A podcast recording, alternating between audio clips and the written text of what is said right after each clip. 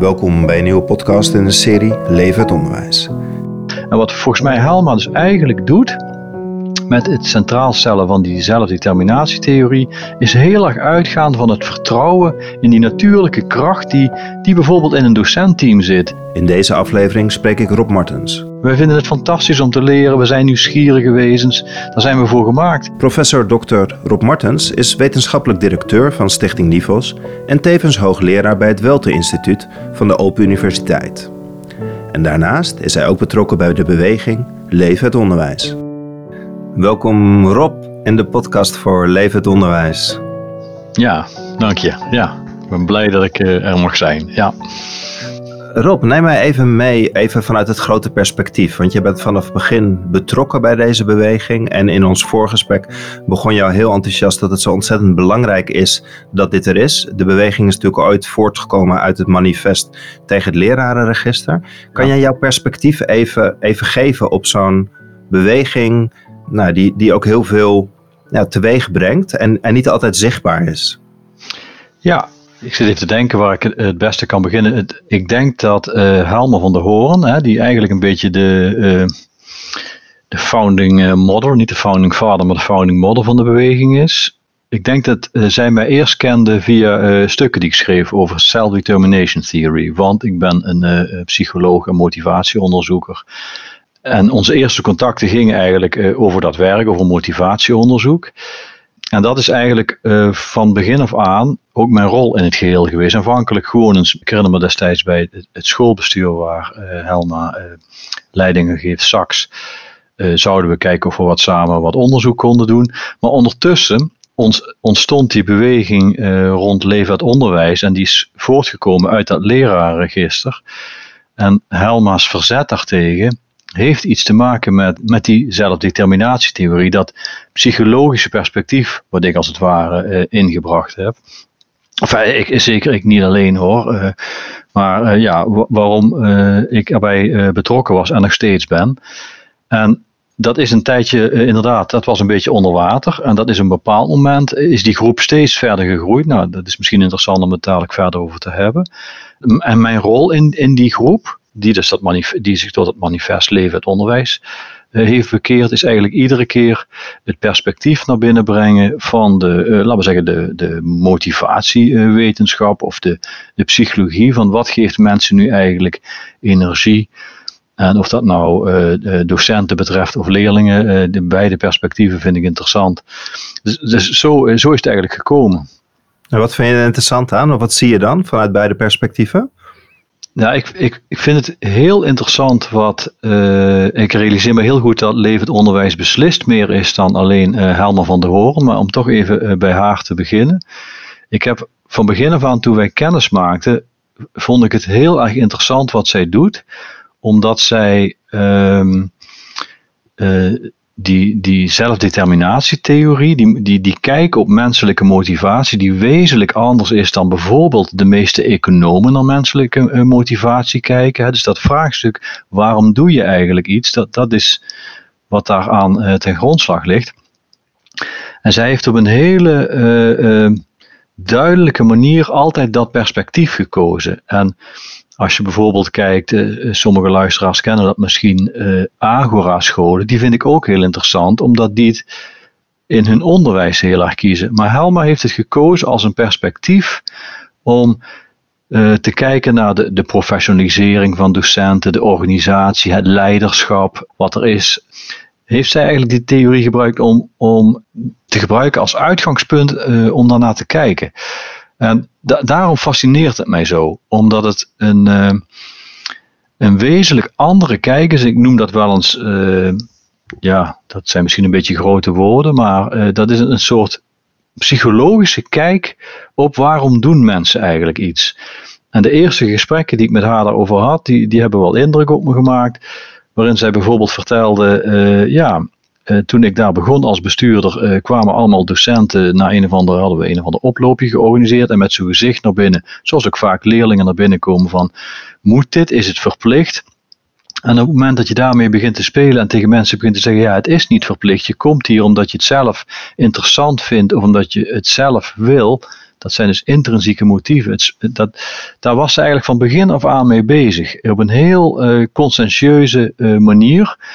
Uh, nou, en dat vind ik eindeloos fascinerend, omdat ik oprecht denk dat dat iets is wat heel vaak ontbreekt in het denken over onderwijs en ontbreekt in de manier waarop we organisaties aansturen.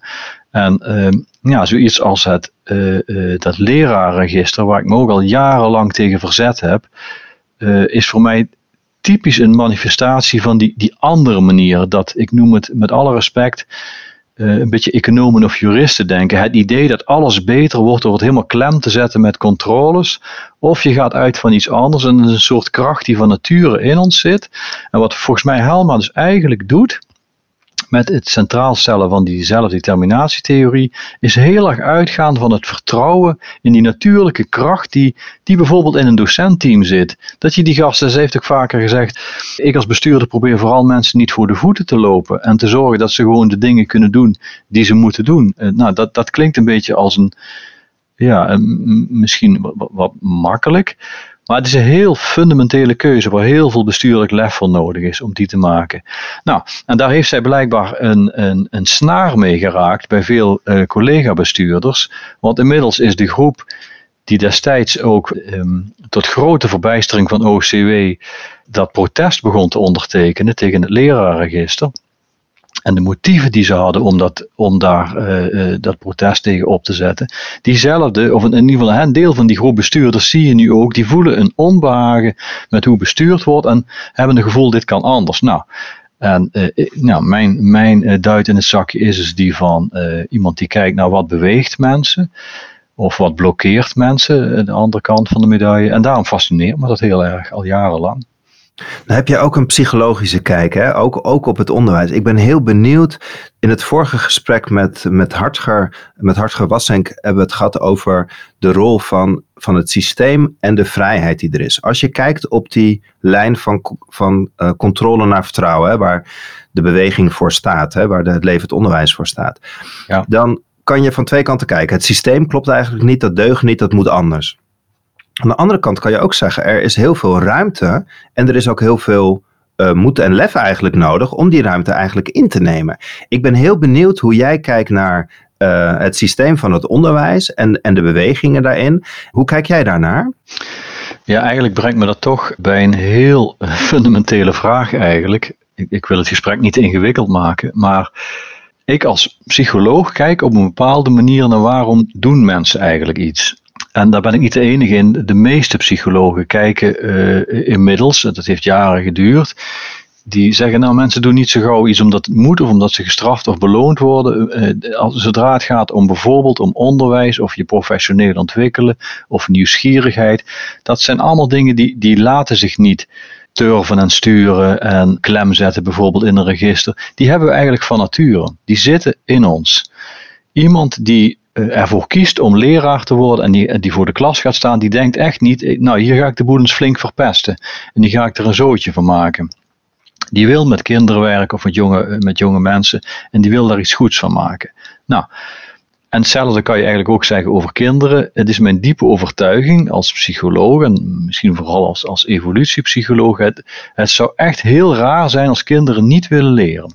Dus als je daar maar vertrouwen in hebt, als je dat, dat vertrouwen centraal zet, dan laat je eigenlijk een mens in zijn kracht komen. Nou, dus wat mij heel erg fascineert is, wat zit er nou in het systeem, zowel aan de bestuurlijke kant als aan de kant van hoe hebben wij ons onderwijs vormgegeven?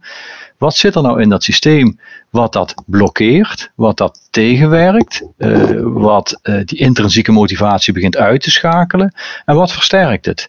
Nou, omdat ik net al zei, uh, dat, dat, dat perspectief van zelfdeterminatietheorie gaat er eigenlijk in de kern vanuit. Nou, dat zit van nature in ons.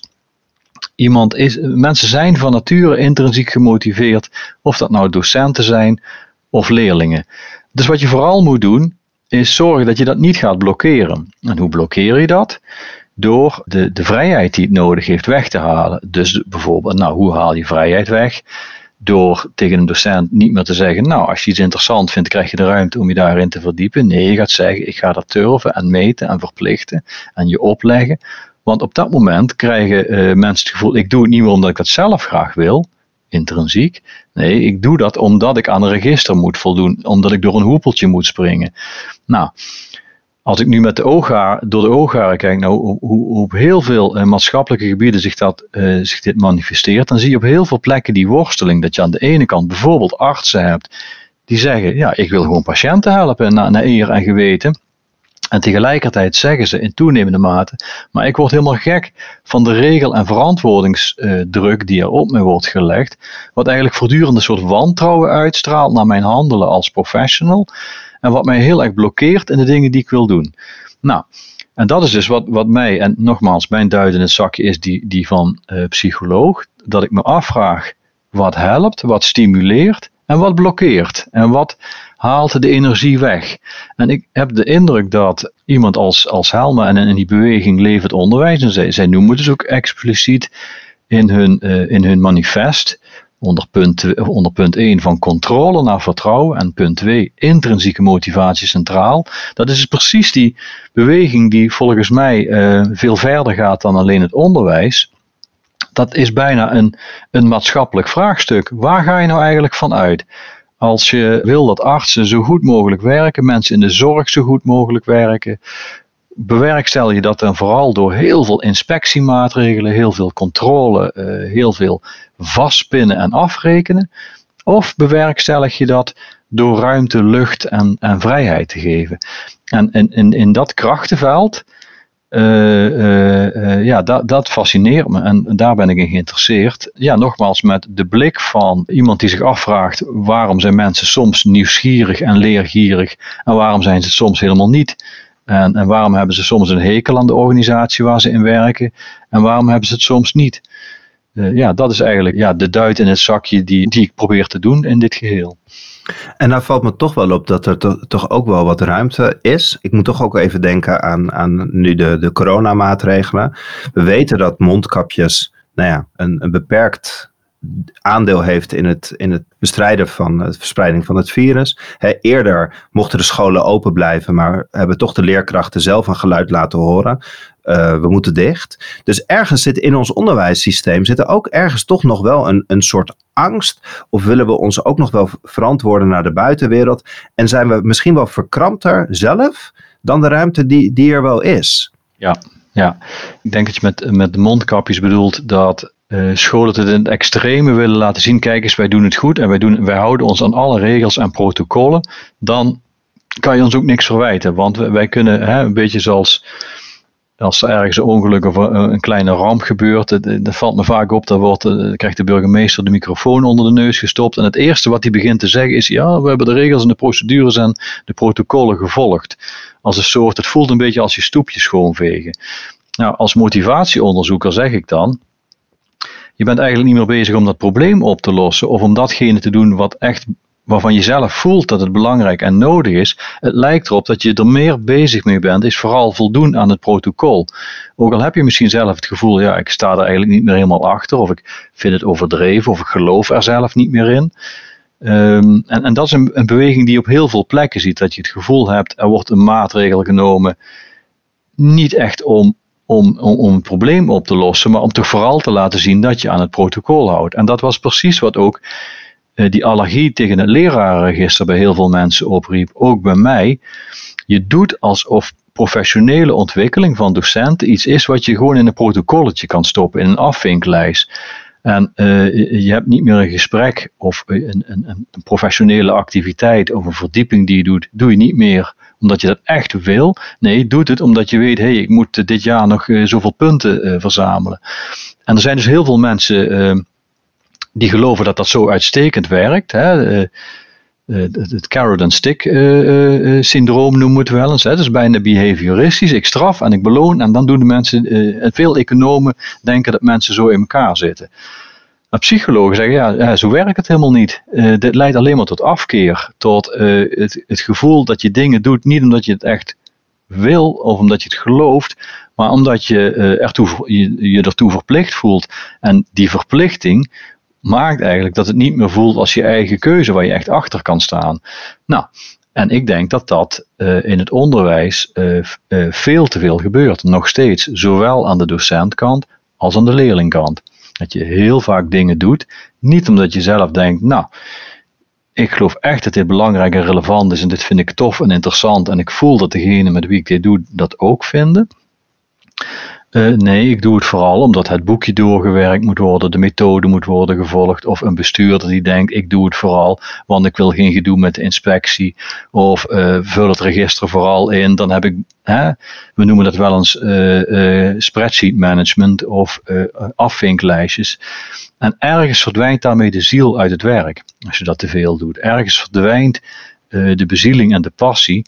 En dat is nu juist wat je enorm nodig hebt als het gaat om leren, als het gaat om onderwijs. Dan heb je juist heel erg die bezieling en die passie nodig. Uh, dat, dat is bijna uh, het hart ervan. Dus eigenlijk schakel je dat een beetje uit als je niet uitkijkt.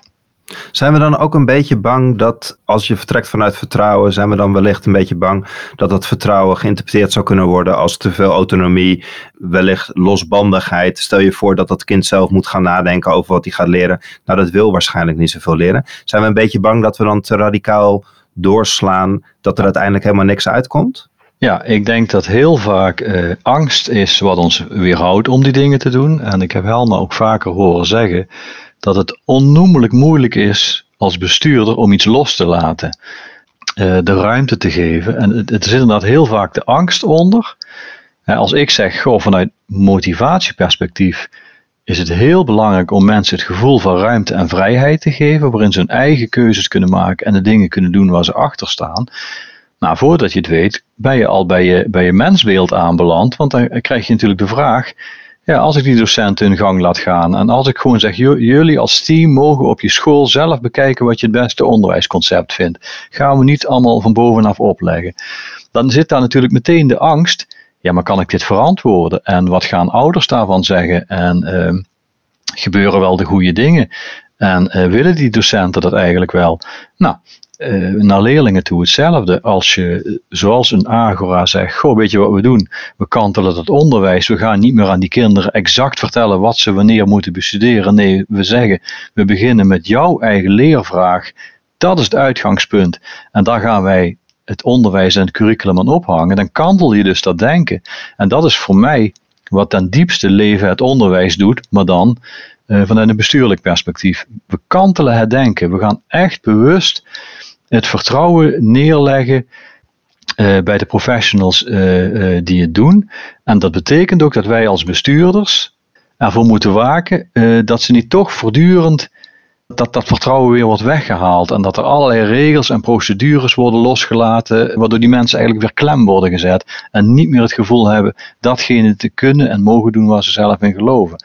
Nou, dat is, ja, en dat is een, een, een perspectief waar psychologen hebben uh, vormgegeven onder iets dat heet self-determination theory. De naam zegt het al, zelfdeterminatie, zelf bestemmen wat je doet. En dat is iets anders dan egoïstisch, uh, maar je eigen egoïstische gang gaan. Nee, dat is verantwoordelijkheid nemen. Nou, als je daar eenmaal op durft te vertrouwen, hè, als bestuurder, en je hebt heel veel scholen en docenten die onder jou vallen, en je durft daarop te vertrouwen en dat consequent vol te houden en uit te dragen, dan gebeuren er heel uh, bijzondere dingen. En ik denk dat dat precies is wat, wat die beweging uh, Levend Onderwijs op gang probeert te brengen. Een jaar geleden heb jij, een, ik vind het een, een, een, schitterend werk uitgebracht. We moeten spelen. Als jij kijkt naar deze beweging en jouw boek, in hoeverre versterkt dat elkaar? Of ligt het in elkaars verlengde? Of? Dat ligt voor mij heel sterk uh, in elkaars verlengde.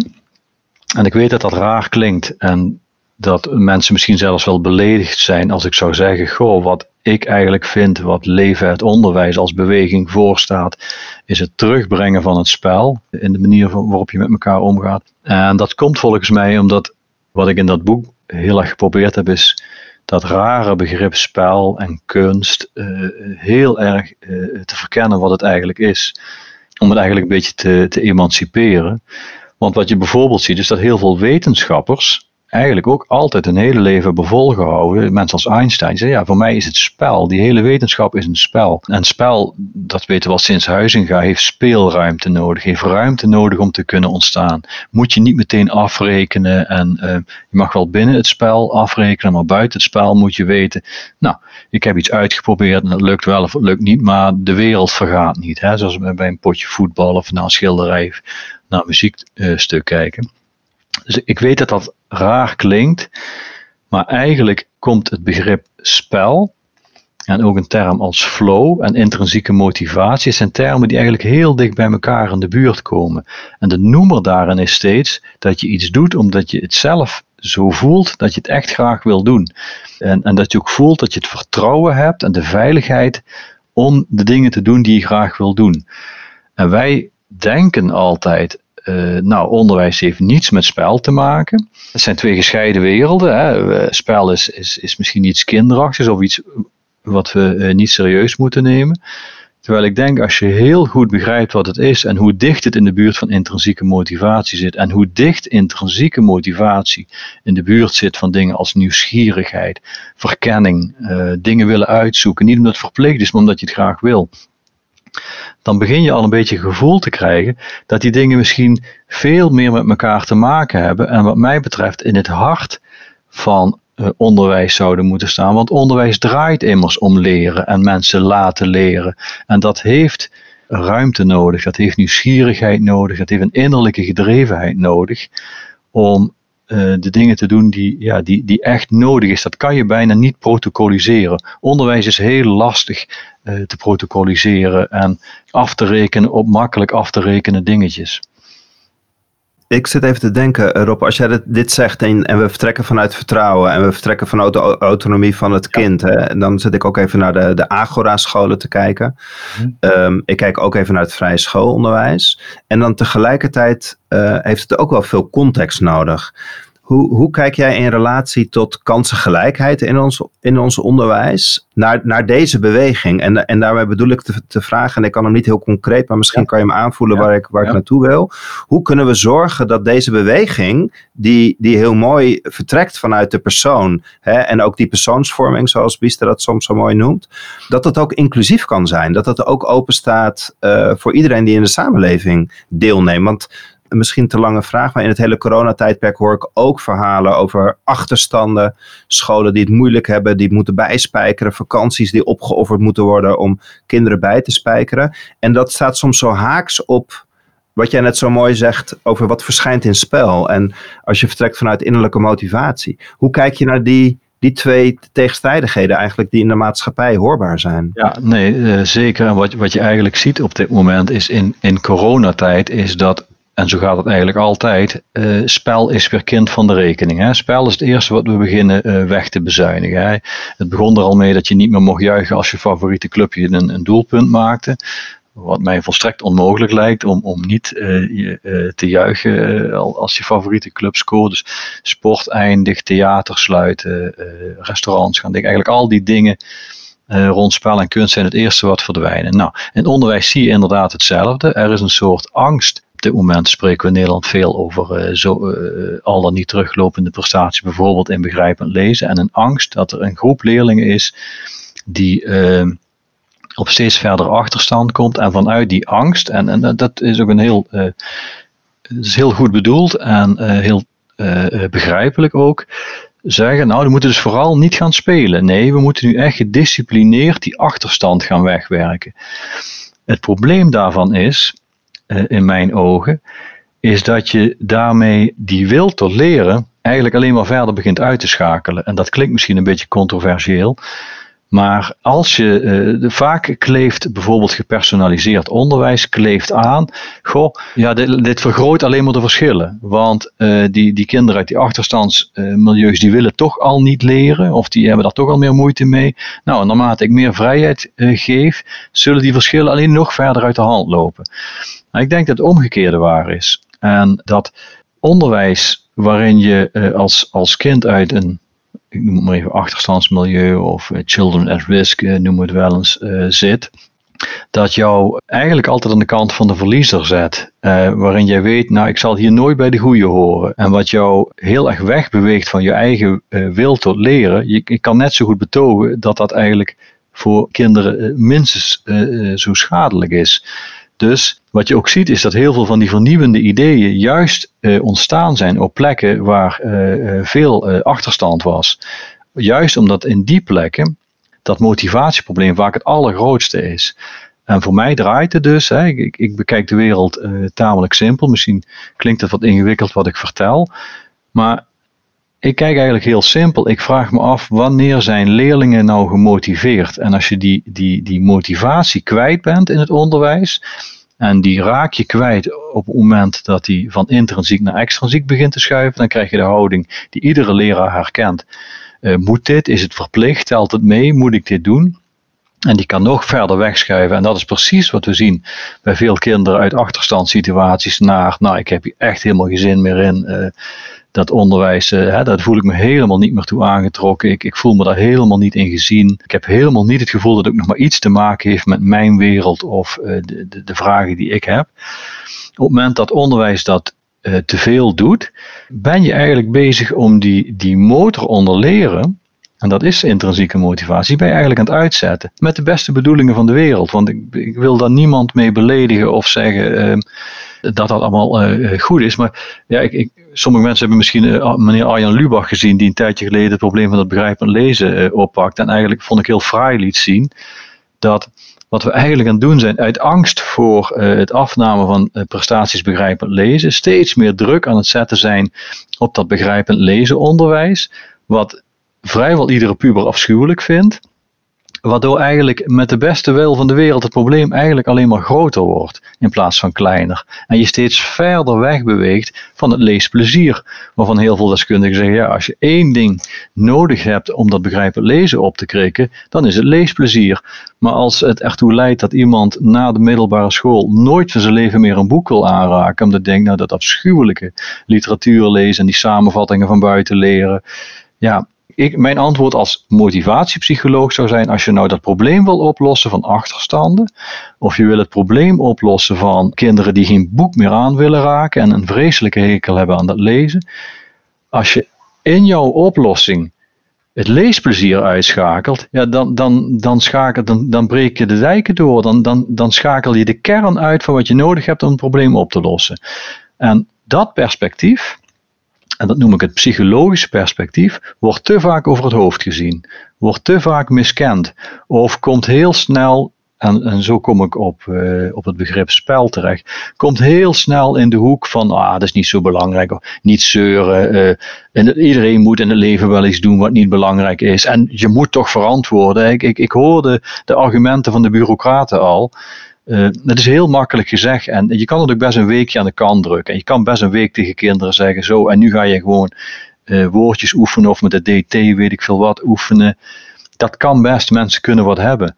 Maar als je dat blijft doen, achter elkaar door, schakel je dat plezier uit. En helaas, en dan ga ik terug naar, uh, naar de, de, de wereld van de onderwijsbestuurders dat plezier kan je ook bij docenten uitschakelen. Dat plezier kan je uitschakelen bij artsen. Dat plezier kan je uitschakelen bij uh, mensen die in, in, de, in de zorg werken. En wat, wat, wat voor mij dus uh, cruciaal is, is om dat plezier niet uit te schakelen. En mensen denken er wel plezier aan leuk en spel, dat is allemaal niet belangrijk. Maar volgens mij, als dat weg is, als dat verdwijnt uit de samenleving, als dat verdwijnt uit het onderwijs, dan ben je het hart kwijt. Hoe komen we dat dat weer meer in het centrum staat? Hoe komen we van A naar B? Hoe komen we van controle naar vertrouwen? Ja, eigenlijk is het niet eens zo ingewikkeld. Ja, nee, eigenlijk is het helemaal niet zo ingewikkeld, want uh, er is ook goed nieuws. En dat is dat heel veel mensen voelen zich eigenlijk aangetrokken tot onderwijs. Er is een tijdje geleden een, een vragenlijst uh, uitgezet. Ik ben even kwijt wie dat gedaan had. Die vroegen aan mensen die dus gewoon in allerlei plekken van de samenleving werken. Zou jij het leuk vinden om een paar uur per week in het onderwijs te staan? En er was een verbijsterend hoog percentage mensen, iedereen rolde van zijn stoel van verbazing. Zei, ja, dat zou ik best leuk vinden.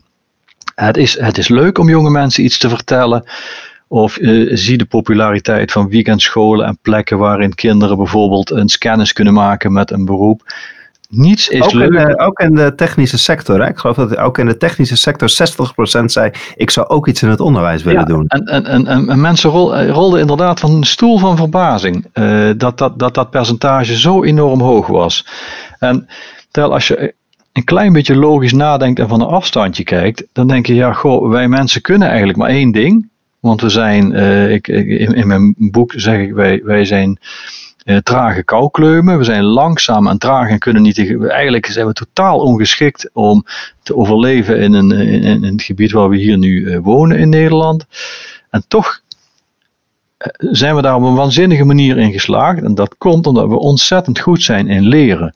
Dus het zou bizar zijn dat we dat niet van nature zouden willen. Dus het goede nieuws is Kinderen willen ongelooflijk graag leren en volwassenen vinden het ontzettend leuk om kinderen of jonge mensen iets te leren. Wat is er fijner dan iets te vertellen tegen een groepje jonge lui die dat echt interessant vindt, die dan niet staan omdat ze verplicht zijn en een CKV-punt of weet ik wat van ellende moeten halen, maar die gewoon vertellen, joh, wat jij doet, of dat nou met drones is, uh, of met video's werken, je kan het zo gek niet verzinnen.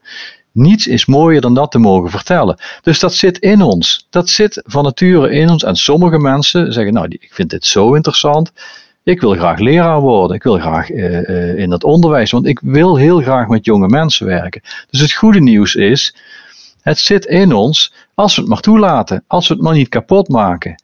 En dat wil niet zeggen uh, dat iedereen zomaar geschikt is om dat te doen. En je zal best misschien wat dingetjes moeten leren om verantwoord voor een klas te willen staan. Het is echt een vak. Dat was ook de aangebrande reactie van een aantal onderwijsorganisaties. Die zeiden, ja kijk, nu doe je alsof iedere technicus nu zomaar voor de klas zou kunnen gaan staan. Maar dat was niet het signaal wat ik eruit haalde. Wat ik eruit haalde was, eigenlijk is het waanzinnig mooi om te doen. En heel veel mensen willen dit graag. En dat is precies, denk ik, waar Helma en Leven het onderwijs van uitgaat. Als we daar nou eens van uitgaan, dat het ontzettend tof is om te doen. Dat leraren dat ook echt graag willen doen. En we gaan de ruimte creëren. Want als we willen het toch van nature. Dus eigenlijk hoef je niks anders te doen dan ruimte te creëren om het toe te laten. Als we dus met andere woorden op zoek gaan naar alles wat dit blokkeert en, en dwars zit. En ik als motivatieonderzoeker zeg dan het van intrinsieke naar extrinsieke motieven begint te schuiven. Uh, als we dat nou eens proberen te blokkeren, systematisch dat proberen tegen te gaan en te zorgen dat hier in mijn termen gespeeld kan worden, dan komt er een energie vrij. En dat is energie die ik inderdaad proef. Je had het over Agora. Als ik daar kom, dan proef ik die energie. Dan denk ik, hé, hey, er gebeurt iets. Dat is wonderlijk. Dat een puber niet alleen maar op de bank wil liggen en, en, chips wil eten uh, en cola drinken. Maar dat dat, dat uh, makkers zijn die hun interesses hebben. En die dingen heel erg graag willen weten. Dat vertrouwen, als je dat meer krijgt, zowel aan de kant van de professionals die het doen, als aan de kant van hoe gaan we in het onderwijs om met leerlingen, dan ben je bezig om die intrinsieke motieven uh, uh, meer te versterken. En eigenlijk mensen in hun kracht zetten en datgene laten doen waarvoor wij in de wieg zijn gelegd. Want wij zijn gemaakt om te leren. Wij vinden het fantastisch om te leren. We zijn nieuwsgierige wezens. Daar zijn we voor gemaakt. En we vinden het ontzettend leuk om iets te vertellen aan anderen. Ik vind het leuk om dit gesprek met jou te hebben. Er hoeft niemand me toe te dwingen. Niemand hoeft me af te rekenen. Ik krijg er geen punten voor in het lerarenregister of het onderzoeksregister of wat dan ook. Sterker nog, als ik het gevoel zou hebben dat ik dit gesprek met jou heb, omdat ik ergens een vinkje moet zetten, vijf maal per jaar een gesprek in de social media hebben of wat dan ook, dan zou het me alleen maar, dat zou me alleen maar tegenwerken. Want ik wil dit gewoon doen en ik vind het interessant om te doen. Mag ik je danken voor dit gesprek. Leef het onderwijs deelt kennis en expertise, doet wetenschappelijk onderzoek naar een nieuwe manier van besturen. Leef het onderwijs is een beweging van verschilmakers in het onderwijs die samen zorgen dat leerlingen zich optimaal kunnen ontwikkelen. Meer informatie of podcastafleveringen zijn te vinden op www.leefhetonderwijs.nl.